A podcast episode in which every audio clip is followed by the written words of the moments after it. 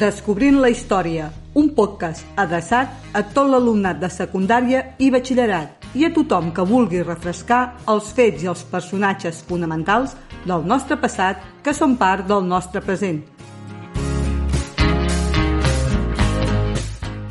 A cada capítol hi ha una síntesi d'un tema dels moments més destacats de la història de Catalunya, Espanya i del món.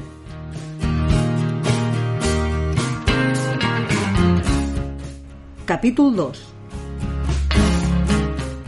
El parlamentarisme anglès. A l'acabar el capítol hauríeu de poder respondre. Si al segle XVII la majoria de països europeus tenien monarquies absolutistes, com és que Anglaterra va poder evitar l'absolutisme?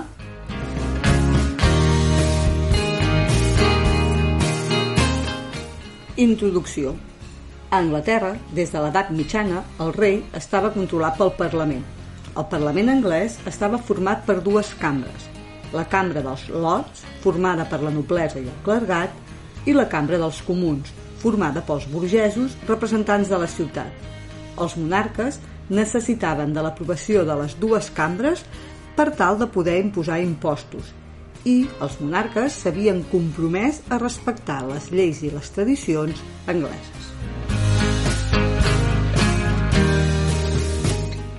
Intent absolutista de la dinastia dels Stuart. Amb la mort d'Elisabet I, el 1603, la dinastia dels Tudor queda sense descendència i puja al tron Jaume I de la dinastia dels Stuart. Aquesta nova dinastia va voler imposar el model absolutista vigent a Europa, especialment Carles I d'Anglaterra, que pujà al tron després de la mort del seu pare, Jaume I, el 1612. Carles I estava convençut del seu dret diví a governar sense necessitat de cap Parlament. Des del seu ascens al tron, les decisions que va anar aprenent van encaminar a governar sol. De fet, el 1630 va clausurar el Parlament, però va haver de convocar el 1640, ja que havia declarat la guerra a Escòcia i necessitava diners per mantenir les tropes. Aquesta necessitat de diners va fer que convoqués el Parlament perquè Cret aprovés nous impostos per fer front a la guerra. El Parlament, després de 10 anys de no haver estat convocat, es nega a donar-li el que el rei demana. Del 1640 al 1642 hi haurà una estira i arronsa entre el Parlament i el rei. Primera Revolució i Guerra Civil. Aquest estira i arronsa entre el Parlament i el rei acaba el 1642 amb la declaració per part de Carles I de la guerra al Parlament. Per tant, el conflicte es converteix en una guerra civil entre els partidaris de l'absolutisme monàrquic, on majoritàriament hi ha la noblesa, i els partidaris del parlamentarisme, on majoritàriament hi ha la burgesia. Aquest conflicte acabarà el 1649 amb l'execució del rei. De fet, és la primera revolta europea que acaba amb l'execució del monarca. La República d'Oliver Cromwell. Un cop executat el monarca, l'home fort d'Anglaterra serà Oliver Cromwell, que convertirà Anglaterra en una república anomenada Mancomunitat d'Anglaterra, Oliver Cromwell va ser un personatge força controvertit, ja que per arribar al poder el 1648 va protagonitzar un cop d'estat contra el Parlament.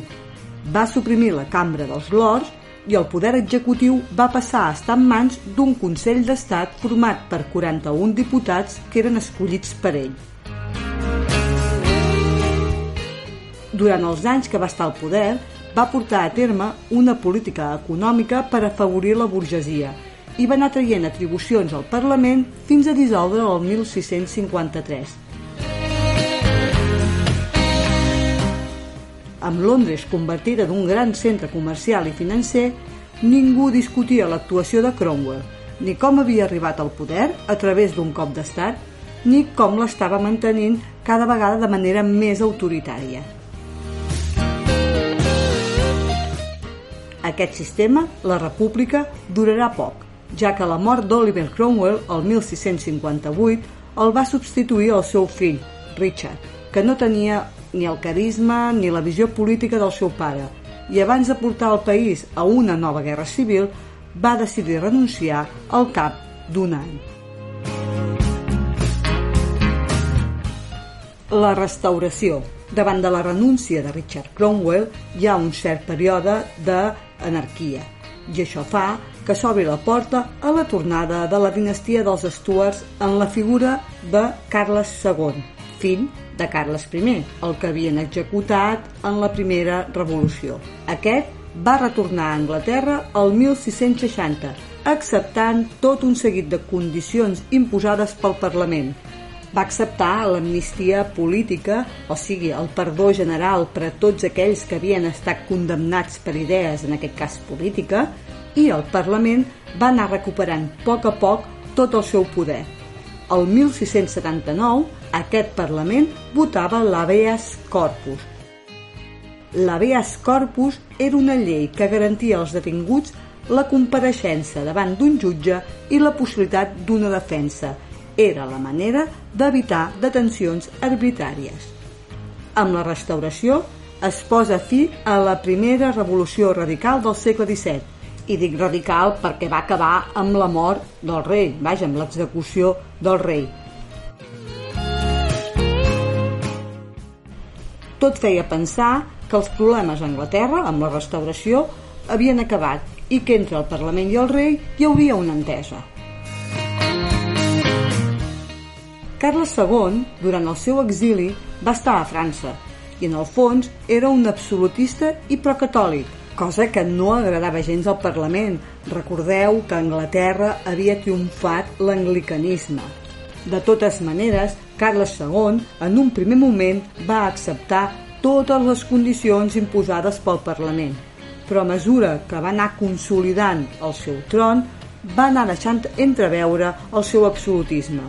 Això va portar a una divisió entre els parlamentaris.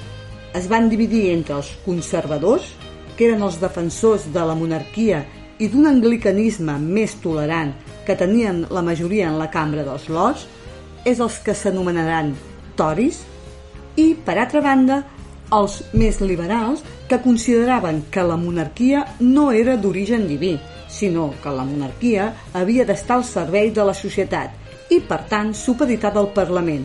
Aquests tenien la majoria en la Cambra dels Comuns i s'anomenaven Whigs. Carles II va aprofitar l'enfrontament entre aquestes dues parts i va dissoldre el Parlament i va governar com a rei absolut fins la seva mort, el 1685. A Carles II el substitueix el seu germà, Jaume II, amb el suport dels Tori. Jaume II era catòlic i va promulgar tot un seguit de lleis per protegir-los. Això va generar molt malestar, de fet, tant entre els Tories com entre els Whigs. Davant d'aquest malestar i de les queixes del Parlament, Jaume II el va tornar a tancar el 1688 i això va provocar el que coneixerem com la Revolució Gloriosa. El tancament del Parlament, junt amb el naixement del fill de Jaume II que fou batejat pel ritus catòlic, va portar a l'aixecament de la societat anglesa.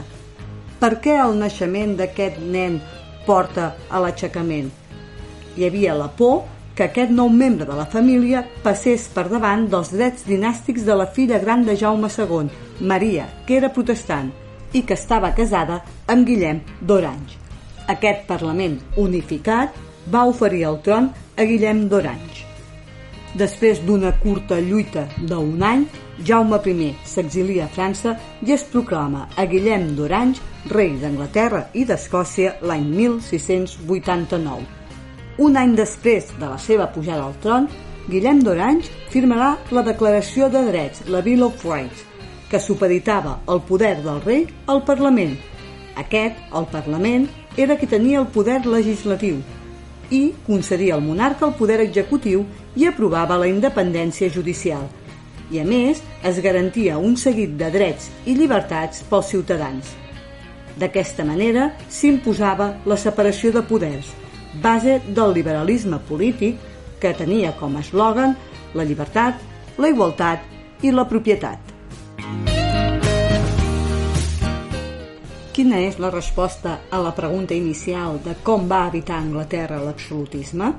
Si bé els monarques anglesos de la dinastia dels Stuarts van intentar instaurar un règim absolutista, el Parlament, que des de l'edat mitjana estava dividit en dues cambres, la dels lords i la dels comuns, que limitaven el poder reial, va imposar-se a la pressió reial mitjançant dues revolucions.